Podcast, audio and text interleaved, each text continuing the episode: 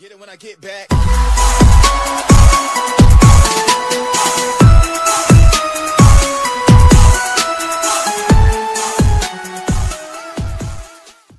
Selamat datang di Mapaba, mari pada baca. Wey. Baca, baca, baca. Mari. Mari, Mari. pada pada pada. Jelas. Kita harus penuh ketidakjelasan karena Habis pulang bekerja ya. Ya. Masih menyempatkan rekaman. Ya. Menyesuaikan jadwal. Iya. Ngeri. Lu mau ke Semarang deh kata yang ngapain lu? hidup biasa saudara nikahan. Oh. Iya. Lu kapan nikah? Ah, hari Sabtu lah. Habis lebaran. itu pertanyaan hal-hal biasa itu. Oh, ya, Oke. setelah rekaman buku pertama ya. oh, ini ngeteksnya sekali ya. Iya, iya. Ya teman-teman pada tahu nih. Oh, Ini kita akan bahas salah satu buku yang cukup populer ya. Hmm. Dan ceritanya waktu itu udah mau bahas ya dari tahun lalu ya. Iya.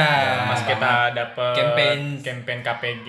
Eh, GPU. GPU ya kan. GPU. Ternyata pas baca di pertengahan lagi seru-serunya habis. habis. Nggak bisa dibuka lagi. Nggak bisa Dan Rega nggak mau ngeluarin duitnya buat ngebeli bukunya. Iya. Jadi tunggu ada paketan lagi baru. Eh. Bukunya apa enggak? Bukunya adalah Gadis Minimarket. Wih. Setelah sekian lama akhirnya kita bahas Penceritanya- buku non KPG. Yang baca pegawai KPK lagi. Penceritanya ada Rega ya, dia sangat antusias ya bahas buku ini. Nah, Eh, setelah sekian ada- lama akhirnya gue bahas buku lagi. Karena Karena- ada gue Ilham dan Gondes. Iya. Gondes Juventus. gue fans Juventina. Des. Oh Juventina udah ganti ya. Rega bersemangat karena eh, itu Rega punya kedekatan dengan mbak-mbak Indomaret. Selain itu emang Rega udah alfa nggak bahas buku sama satu tahun. Nggak ada kontribusinya. Tidak ada Iya kan? Anjing kagak satu tahun ya. Ilham, ilham, ilham. Oh. Akhirnya gue bisa jadi penanya lah. Iya. Dua episode ya jadi Benar, benar, benar. Kagak dua episode, Kan kalau- hitungannya satu hari, satu hari. jadi. Kemampuan bertanya buat tuh kan yang paling bagus ya di antara kalian. Apa? Tanya gua gimana lu pada diam? Apa cerita? Apa yang menarik dari cerita mbak-mbak minimarket ini? Ini sangat menarik. Gak ini serius serius serius. serius. Ini eh, jadi pasti pada bingung ya. Siap siapa pun gua rasa yang pertama kali ngelihat buku ini pasti bingung nih apa sebenarnya yang menarik dari buku ini. Cuma nyeritain Mbak-mbak mbak minimarket. Sumpah sumpah sumpah. Gua gua awalnya pun gua kalau kalau kalau covernya nggak semenarik ini ya, Eh. gua nggak bakal pernah baca buku ini sih. Tapi ini tuh bagus. ini tuh mana gak nggak ada bukunya Ya, juga. jadi kita jadi gue baca buku melalui Gramedia Digital. Apa itu. Gramedia Digital? Apa gak Gramedia Digital? Gramedia Digital adalah aplikasi eh, dari Gramedia yang menyediakan berbagai macam ebook. Eh, Nah, jadi teman-teman kalau mau nyari ebook tuh tinggal masuk Gramedia Digital aja. Baca buku jadi lebih mudah. Asik, itu tagline-nya ya. Yoi. Tolong dong Gramedia ini Rega dipromosiin. Kamu pengen baca buku? Tapi udah udah ini kok bahas bukunya dulu nih. Oh, Ini, iya. eh, jadi salah satu alasan gue baca bukunya itu pertama karena covernya. Heeh. Setelah itu baru gue lihat eh, ya pertama karena covernya ya pas gue baca Bukan dong, yang pertama karena ini gratis. Iya, covernya ini menarik banget ya warna kuning, terus ada mbak-mbak mukanya ditutupin. Hmm. Nah, pas gua baca tuh, wah ini ternyata seru banget cuy. Jadi dia tuh nyeritain tentang eh, tokoh utamanya tuh namanya Furukura Keiko Furu Keiko ya, Keiko Furukura. Keiko Fukada. Itu siapa deh? Siapa deh Fukada itu tuh? Ada marga-mar itu kakek Sugiono Fukada. Jadi si Keiko Furukura ini tokoh utamanya. Nah, dia tuh punya eh, kalau dalam buku itu disebutin dia tuh punya penyakit. Hmm. Nah, penyakitnya itu justru Panu. antisosial. Oh, antisosial. Oh. Dia tuh Eh antisosial. udah menarik nih premisnya nih. Hmm, Iya, hmm, dia tuh- bagus nih. Jadi dari kecil, dari kecil tuh dia udah memperlihatkan eh, sifat-sifat antisosial ini. Heeh. Kayak yang yang paling menarik sebenarnya pas di awal-awal tuh dia ini ya dari masih kecil banget dia lagi kayak TK lah ya. Kayaknya tuh TK. Dia tuh main di taman, terus eh, teman-temannya tuh ngerubungin burung yang mati gitu. Hmm. Teman-teman itu teman sama si Keiko itu ngerubungin burung yang lagi mati. Kasihan ya gitu. Nah, teman-teman yang lain tuh kayak kasihan, pada nangis. Eh, ini Nah, kenapa bisa mati? Apakah karena climate change? Oh, dulu. nah, si Keiko tiba-tiba. si Keiko ini bukannya nangis, dia malah ngambil burungnya. Si burungnya itu diambil sama si Keiko ini terus dikasih ke ibunya. Eh, Si ibunya juga, si ibunya juga bingung dong kalau dikasih burung mati ya. Respon si ibunya tuh malah ya seperti anak-anak pada umumnya lah. Akhirnya tuh eh, si ibunya tuh mikir Keiko ini biasa kayak anak-anak lainnya. Dia pikir kayak oh kasihan banget ya burungnya. Kayak, kayak main ke bocah kecil gitu lah ngasih tahu kasihan banget ayo kita kubur kata ibunya tuh gitu kan. Ah. tapi si Keiko ini nggak gitu. Dia malah ngasih respon katanya bu ayo kita masak burung ini. Ba bapak kan suka suka sama burung apa goreng burung gitu lah. Gue nggak tahu nama makanannya apa nama makanan Jepang gitu gitu. Nah dari situ tuh kayak wah aneh nih anak gua nih kata si ibunya kan. Sayangnya dia ngulang lagi enggak dia ngasih tahu kan jangan enggak jangan dibunuh dong kan kasihan dia mati mending kita kubur aja gitu. Eh. Tapi si Keikonya tuh ngotot nah enggak ngapain di, dikubur kan dia uh, bisa dimakan gitu. Berarti antisosial yang lu maksud di sini tuh kayak gimana gak deskripsinya gak? Iya benar-benar dia nggak bisa berkomunikasi dia bukan nggak Oh, dia miskin empati juga. Ah, dia dia nggak bisa berempati, dia benar-benar bahkan dia nggak eh, kalau di penggambaran buku itu dia nggak memiliki emosi sama sekali. Dia benar-benar kayak kayak kalau Kok se- jadi kayak psikopat? iya iya antisosialnya kayak psikopat gitu. datarnya gitu. Ah, ah, ya. datar dia benar-benar nggak punya emosi kayak dia bahkan untuk me- nih kalau misalnya teman-temannya marah nih sama satu hal dia dia tuh nggak marah cuman dia pura-pura marah Ah. pura-pura marah agar agar diterima sama masyarakat. Nah, yang menarik dari buku itu ini menceritakan nggak ngambil sudut pandang orang yang antisosial gitu. Gimana sih dia mencoba untuk diterima oleh masyarakat gitu. Hmm. Dan ternyata emang kalau kalau kita kalau lu baca buku ini lu akan akan tahu bahwa ternyata orang antisosial nih, orang psikopat, orang yang antisosial tuh dia tuh susah gitu. Buat buat buat masuk ke dalam masyarakat tuh susah. Oke oke. Berarti sebelum lebih dalam ngebahas Hmm, kenapa dia hmm. antisosial nih gak? Hmm. Di ini novelnya penulisnya siapa, terus latar belakangnya di mana? Hmm. Ada siapa aja nih tokoh-tokohnya nih buat kita kita yang baru tahu. Oke ini pengarangnya tuh namanya Sayaka Murata. Dia tuh penulis Jepang. eh, terus dia juga udah menangin beberapa penghargaan ya. Di antaranya tuh ada Akutagawa Prize, Gunzo Prize for New Writers. Terus ya itulah banyak penghargaan. Terus dia juga eh, pernah bekerja paruh waktu di minimarket. Oh, pengalaman pribadi. Iya, ini jadi salah satu alasan kenapa dia ngambil sudut pandang penulisnya itu jadi pegawai minimarket. Hmm. Minimarket Jepang nih ya. Ya, minimarket Jepang yang Sevel ya. Soalnya di- yang di bayangan gua kan Alfa ya. Indomaret. yang minta sumbangan ya, gitu. ya, ya, ini minimarket Jepang yang 24 jam gitu. Dan Oh. ya lu baca buku ini lu tahu lah bagaimana pekerja minimal lu punya pengetahuan bahwa jadi pegawai minimarket tuh nggak nggak mudah gitu. Eh, ada tukang parkirnya. Enggak. yang kalau lu Iya iya iya iya. tahu-tahu megangin ini ya motor Terus datang semangat ya. Terus ini kan ada orang-orang yang Hmm. apa perginya berdua nungguin di tempat parkir ya kan biar nggak bayar. Iya, Iya, iya. dita- ditagih. di Jepang gitu nggak ya? Nah penghargaan-penghargaan eh, yang tadi dia dapetin itu, itu dapetin dari buku ini nih salah satunya Convenience Store Woman judul bahasa Inggrisnya tuh. Oh. Hmm. Bahasa Jepangnya apa kak? Ah, Berarti tokonya ada siapa ini kak? tokonya tuh pertama, aduh gua sebenarnya nggak hafal ya nama-nama tokonya karena bahasa Jepang, eh nama-nama Jepang Iya, kan. iya. Yang intinya tuh ada si Keiko. Miyabi. Nggak ada, nggak ada. Oh, ada. Lu, tadi, dari tadi. Lagi bira. lagi birahi banget kayaknya. Gue lagi semangat nih. The Keiko Furukura dia tokoh utamanya, terus Hmm. ada adenya juga, terus ada si Raha dia eh, tokoh laki-laki di sini Hmm. yang yang nantinya bakal eh, jadi peran-peran penting lah di dalam buku ini nih si Siraha ini. Hmm. Terus ada eh, pokoknya ada teman-temannya dan pegawai minimarket ini gua aduh, lupa banget. Si circle-nya itu lah ya. Nah, circle-nya Iya, iya. itu nama-namanya. Hmm. Gitu. Jadi di buku itu dia lu bayangin cuy, dia dia kerja jadi pegawai supermarket nih Heeh. dari semenjak supermarket ini berdiri. Jadi cabang cabang supermarket ini berdiri di dekat kampusnya. Heeh. Nyampe tiga nyampe berapa tahun gitu? 8 tahun kemudian lah. Dia masih jadi pegawai. dia masih jadi minimarket. pegawai minimarket Oh, pegawai itu kayak kasir gitu ya. iya bener-bener pegawai magang kasir, angkut-angkut barang loading gitu lah ya. iya Nyatetin itu gudang. Heeh. bener-bener lama banget karena dia punya alasan khusus kenapa dia memilih untuk menjadi pegawai minimarket Kenapa? alasannya adalah karena ketika dia menjadi pegawai minimarket dia menjadi perasaan dia tuh dia menjadi bagian dari masyarakat udah Oh. jadi itu jadi salah satu jadi salah satu alasan kenapa dia tetap menjadi pegawai minimarket. Inilah kontribusiku terhadap dunia gitu. Iya, karena dia men- dia merasa menjadi manusia tuh ketika menjadi pegawai minimarket. Di luar daripada itu dia ya nggak nggak jadi siapa-siapa gitu. Itu meaning of life dia ya. Ah, meaning of life dia. Sebagai pegawai minimarket. Lu ketawa sih, Des.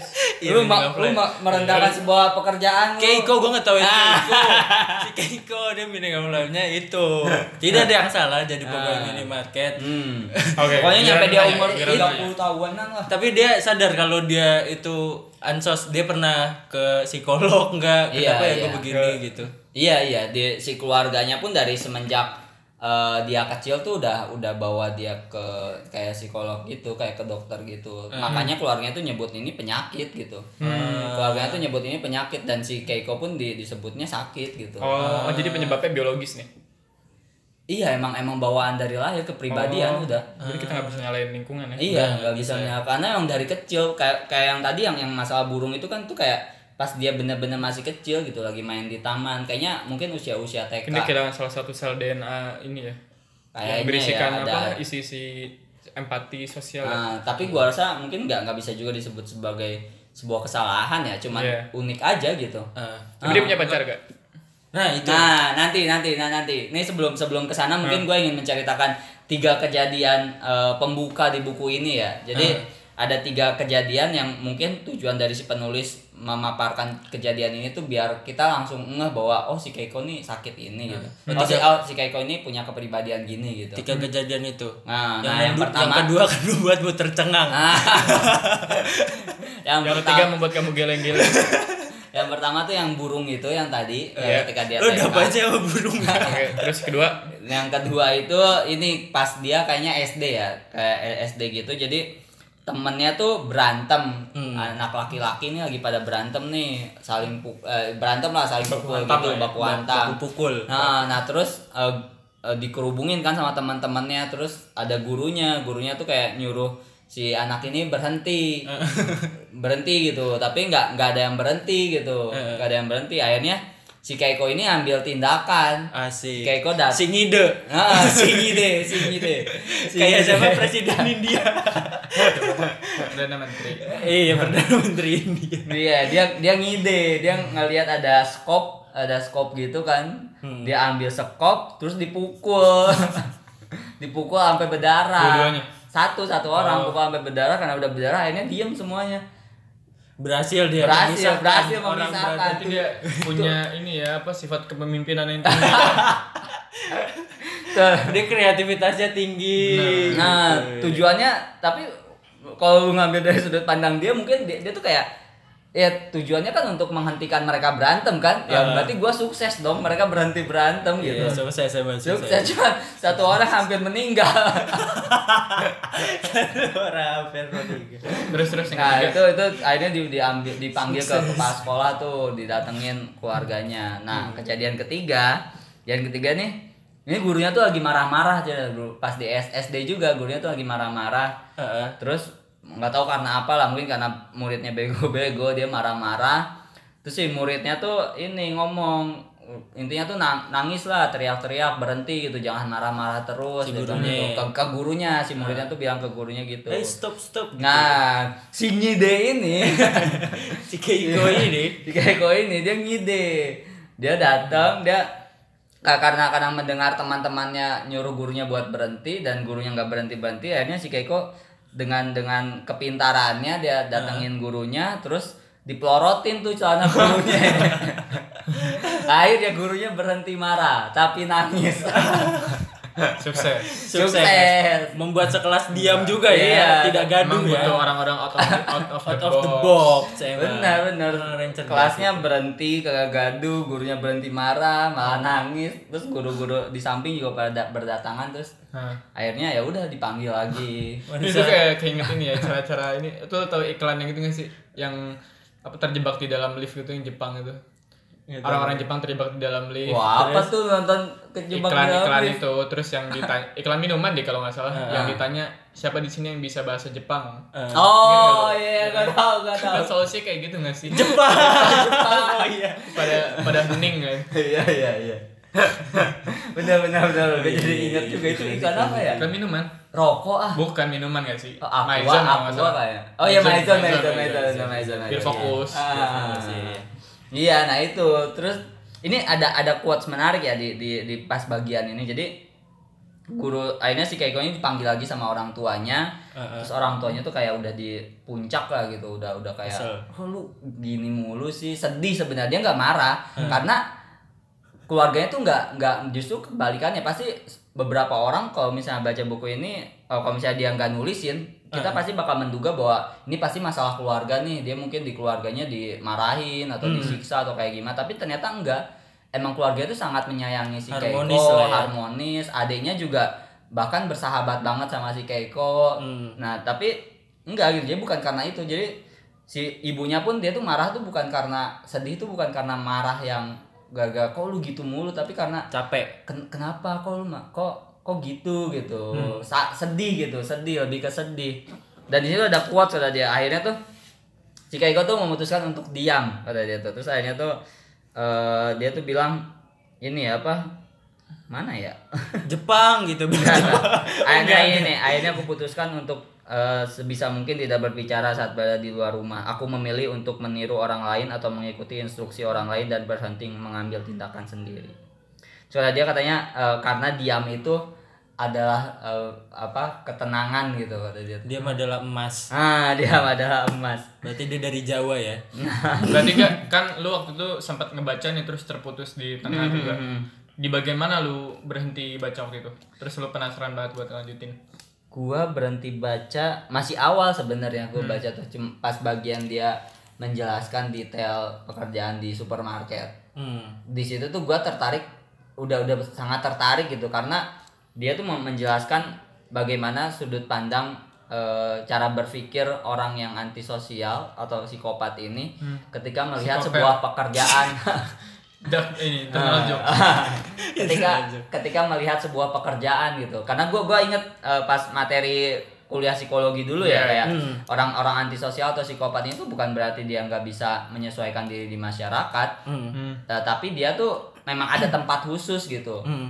Beberapa beberapa pekerjaan justru membutuhkan orang yang memiliki kepribadian seperti ini gitu Hmm. contohnya ya kayak Pegawai minimarket. ya ya ya contohnya kayak kayak yang yang memiliki tugas untuk mengambil keputusan Oh, gitu. iya. kayak nggak Hmm. mungkin dong lu nyuruh nyuruh orang buat ngambil keputusan persaingan sama kantor lain perusahaan lain misalnya Hmm. tapi lu mem- memiliki empati tinggi kayak lainnya Rasa nggak enakan. ah, rasa nggak enakan kayak aduh kalau gua ngambil keputusan ini nanti dia ini dong bangkrut kayak gitu kan nggak mungkin dong ya kan nah Kayak itu ya pengen pengen mecat satu tim gitu Ah, seorang tim di gitu. kan. HRD jago nih orang nih iya mungkin bisa ya jadi Ini tim ini gabut banget nih pengen kita pecat tapi nggak enak gitu kan ya itu ya susah dia banget. cocok ya. jadi HRD tapi spesialis mecat kalau kalau dan abis mecat juga nggak beliin Jeko Iya, ya aja nggak beliin Jeko karena merugikan kenapa harus dibeliin Jeko Ada kewajiban gitu ya?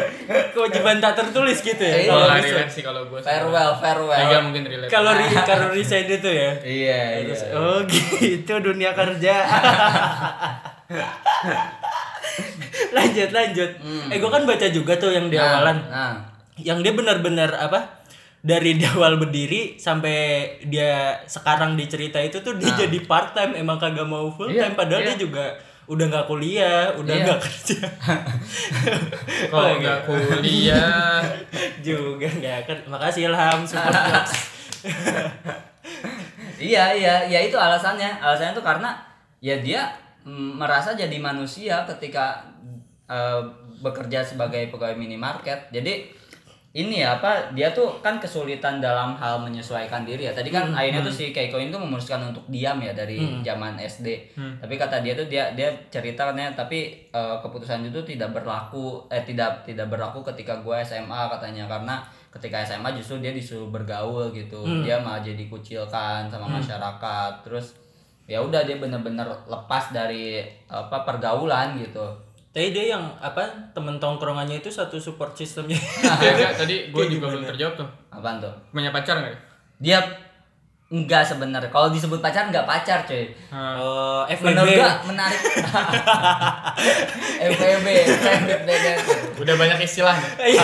HB, support system, Udah ke Jackson Iya. ya. Overthinking, insecure. udah jackson banget loh sekarang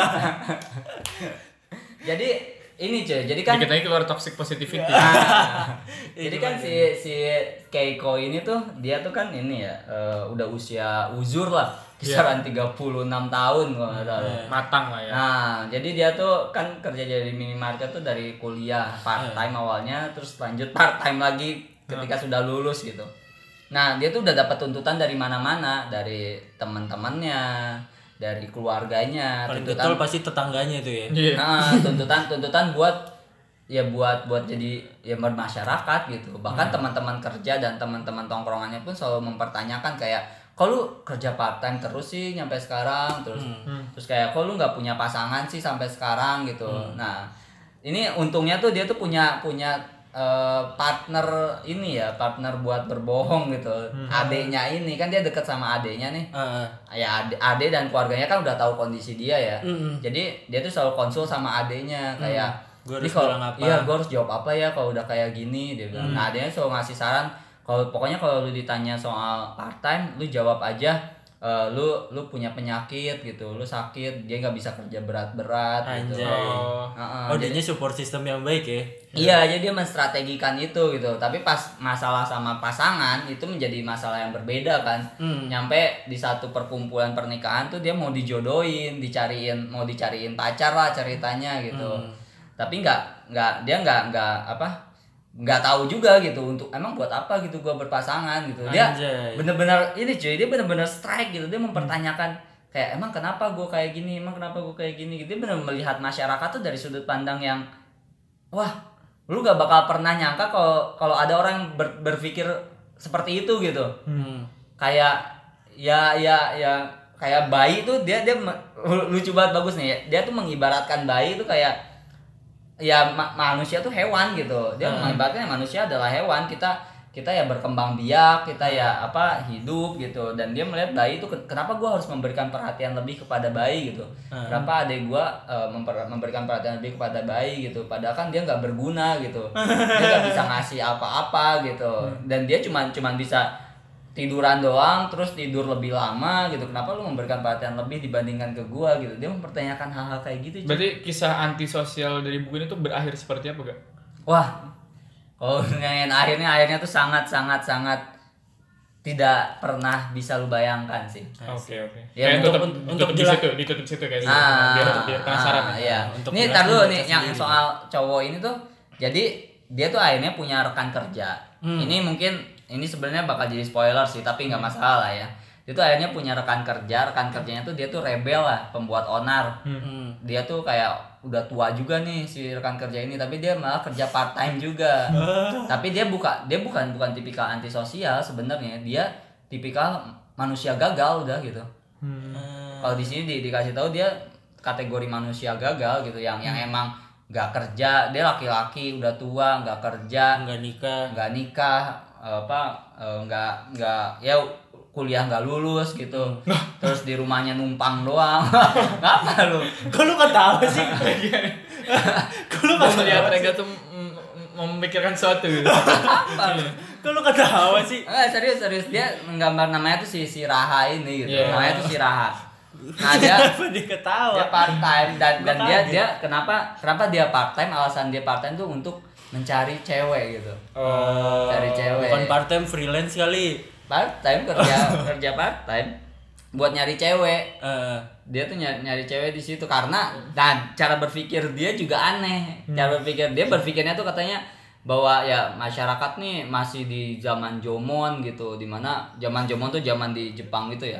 Zaman Jomon di mana ya eh, masyarakat itu hanya melihat manusia eh, ya manusia yang berguna aja yang dikasih penghargaan Ah, gitu oh. kayak ja- zaman dulu kan orang yang laki-laki itu ya berburu gitu kerjanya perempuan kayak ini ngurus ya rumah. kayak sistem kampus gitu ya yang, Nah. yang lagi bikin akreditasi ditanya lulusannya cuma Nah. yang kerja kerja bagus yang dianggap Iya, Nah. dia melihat ya masyarakat tuh masih berpikir seperti itu gitu. Ketinggalan zaman lah cara berpikir masyarakat tuh makanya dia tuh membenarkan dirinya tuh dengan cara seperti itu. Ah. Dia bilang bahwa gua nih kayak gini tuh bukan karena gua, tapi karena masyarakat nih melihat gua dengan cara yang salah gitu.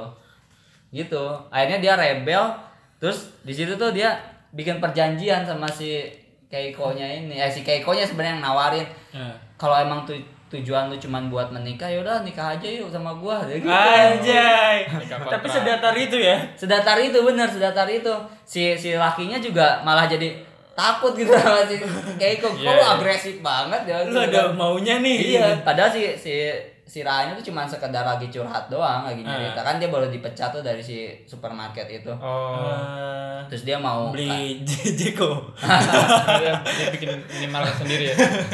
Iya gitu. Terus ya udah gitu tuh akhirnya tuh akhirnya ya itu kontrak gitu. Tapi Iya. di endingnya tuh wah endingnya tuh sangat sangat ya sangat ini akan Oh, jadi oh, dia- buat orang-orang buat penasaran baca ya hmm gua apa deh Dia dia pacaran enggak tapi pacaran. kontrak gitu. enggak pacaran dia kayak satu apartemen aja jadi dia tuh dia tuh nunggak di apartemennya tuh nunggak sama temannya kan dia apartemennya tuh berdua sama temannya Ah. nah dia nunggak tuh dicari-cari lah dia ngutang-ngutang ke mana-mana Utang sama pinjol juga. ah gitu lah ngutang pinjol terus juga akhirnya dia nggak punya tempat tujuan kan Eh. udah gembel banget lah bajunya nggak pernah dicuci acak-acakan Hmm. apa perawakannya terus akhirnya di dibawa tuh sama si Keiko. Keiko-nya tuh ke apartemennya Eh, ya udah karena kenapa kenapa sih Keiko memutuskan kayak gitu ya karena dia juga udah dapat tuntutan kan dari lingkungan Nah, ya, dari lingkungan terus nikah segala macam. terus si Keiko-nya tuh ngasih tahu kan ditelepon sama adiknya pamer. Eh. terus dikasih Keiko-nya ngasih tahu katanya gua gua lagi di apartemen sama temen cowok gue Asik. dia sebenarnya nggak tujuan pamer dia cuma ngasih tahu doang gue lagi di apartemen di sini ada ada tamu cowok gitu dia kasih tahu Eh. tapi respon adanya tuh sangat berlebihan gitu terus kayak si Keiko tuh kayak oh ternyata informasi seperti itu bisa membuat orang lain bahagia ya Ayo. udahlah gua lanjutin aja dia bilang gitu kalau di sini bahasnya kumpul kebo ya Ah. Bukan tinggal bareng. tapi ada yang menarik bre jadi si Keiko ini tuh mengibaratkan si Siraha ini tuh kayak binatang peliharaan Iya, gue paham, gue paham. jadi dia tuh bilang eh, apa Kayak, kayak pamer, gue habis punya kucing. Iya, iya, iya. Dia, dia tuh kayak dia tuh bilang ke kucingnya birahi dia tuh bilang ke si ke si si nih kayak oh jadi tugas gua tuh cuman sekedar eh, eh, apa Ngasih makan. Gua, gua, tugas gua ngasih pakan ngasih pakan pakan anjing di sini terjemahannya tuh pakan kayak ngasih dia ngasih pakan buat binatang gitu udah jadi setiap hari gua hanya perlu ngasih pakan elu dan lu eh, diam di sini bermalas-malasan aja gitu. Udah gitu doang. Bener-bener kayak kucing ya.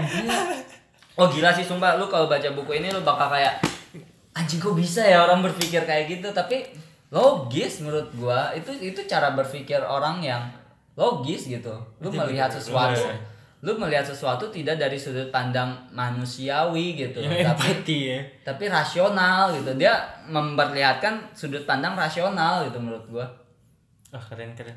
keren sih Ini bisa dibaca di mana gak? bisa dibaca di Gramedia dan Oh, iya, temukan sebagai- bukunya Eh, ada promo gak gak? Hah? Yang gadis minimarket Ah, itu. so nggak tahu lu Gak tau gue kalau gadis minimarket ya, tapi kalau buat eh, buku-buku yang ada di Dengar Sastra Bicara itu bisa Wih. didapatkan dengan promo 20%. Eh, lumayan itu Gila. Iya. lumayan. 20% buat Gramedia Digital, gramedia.com atau di KPG Official Shop. Oke, sebagai penutup episode ini enggak? Nah, Kenapa kita harus baca buku ini? Dan menurut lu ratingnya berapa nih? ratingnya 9 sih. 9,5 malah menurut gua. Gede banget ya. Sebagus itu walaupun ini ini tipis loh. Eh. Cuma sekitar 160 halaman lah. Tipis-tipis juga. Nah, tipis-tipis. Ini bisa bisa dibaca bisa bisa dibaca sekali, Sekali duduk. duduk. Apalagi di HP kan? iya, apalagi di HP. Sekali tiduran, sekali HP jatuh. Aja sering banget lagi. Bisa dibaca sekali duduk serius tipis banget dan menarik. Hmm. Kenapa lo harus baca buku ini? Karena buku ini tuh ngasih lu eh, sudut pandang yang baru sih. Lu bakal tahu bagaimana ya orang ya antisosial tuh Jangan lu- fenomena ya. Jangan lu musuhin, jangan lu bully Iya, ya. iya, ja- jangan lu musuhin, jangan lu bully, jangan lu anggap aneh gitu. Eh. Itu hanya sebuah keunikan gitu dari dari berbagai macam jenis manusia ya. Salah satu jenisnya tuh ya ada yang eh, psikopat atau antisosial gini gitu. Iya, iya. Jadi ya lu bakal tahu sudut pandang mereka tuh kayak gimana gitu. Hmm. Ya, ya mereka tuh melihat segala hal tuh dari sudut pandang rasional gitu. Hmm. Eh, dan dan dan emang agak susah berempati tapi gitu. Ini gue yakin nih pasti paham itu, gitu. ada ada beberapa orang yang habis baca buku, ih kayak gue banget ya. Iya, iya. Kayaknya gue ansos deh. Langsung ini ya. Diagnosis ya. Self Diagnosis. Iya, iya. Suara gitu kata. Nah, Oke, terima kasih untuk para pendengar yang telah mendengarkan kita dengan hikmat dari awal sampai akhir ya. nah, Dari tengah sampai akhir, akhirnya doang. selamat mendengarkan. Dan selamat baca bukunya di Gramedia Digital. Yeay. Dah.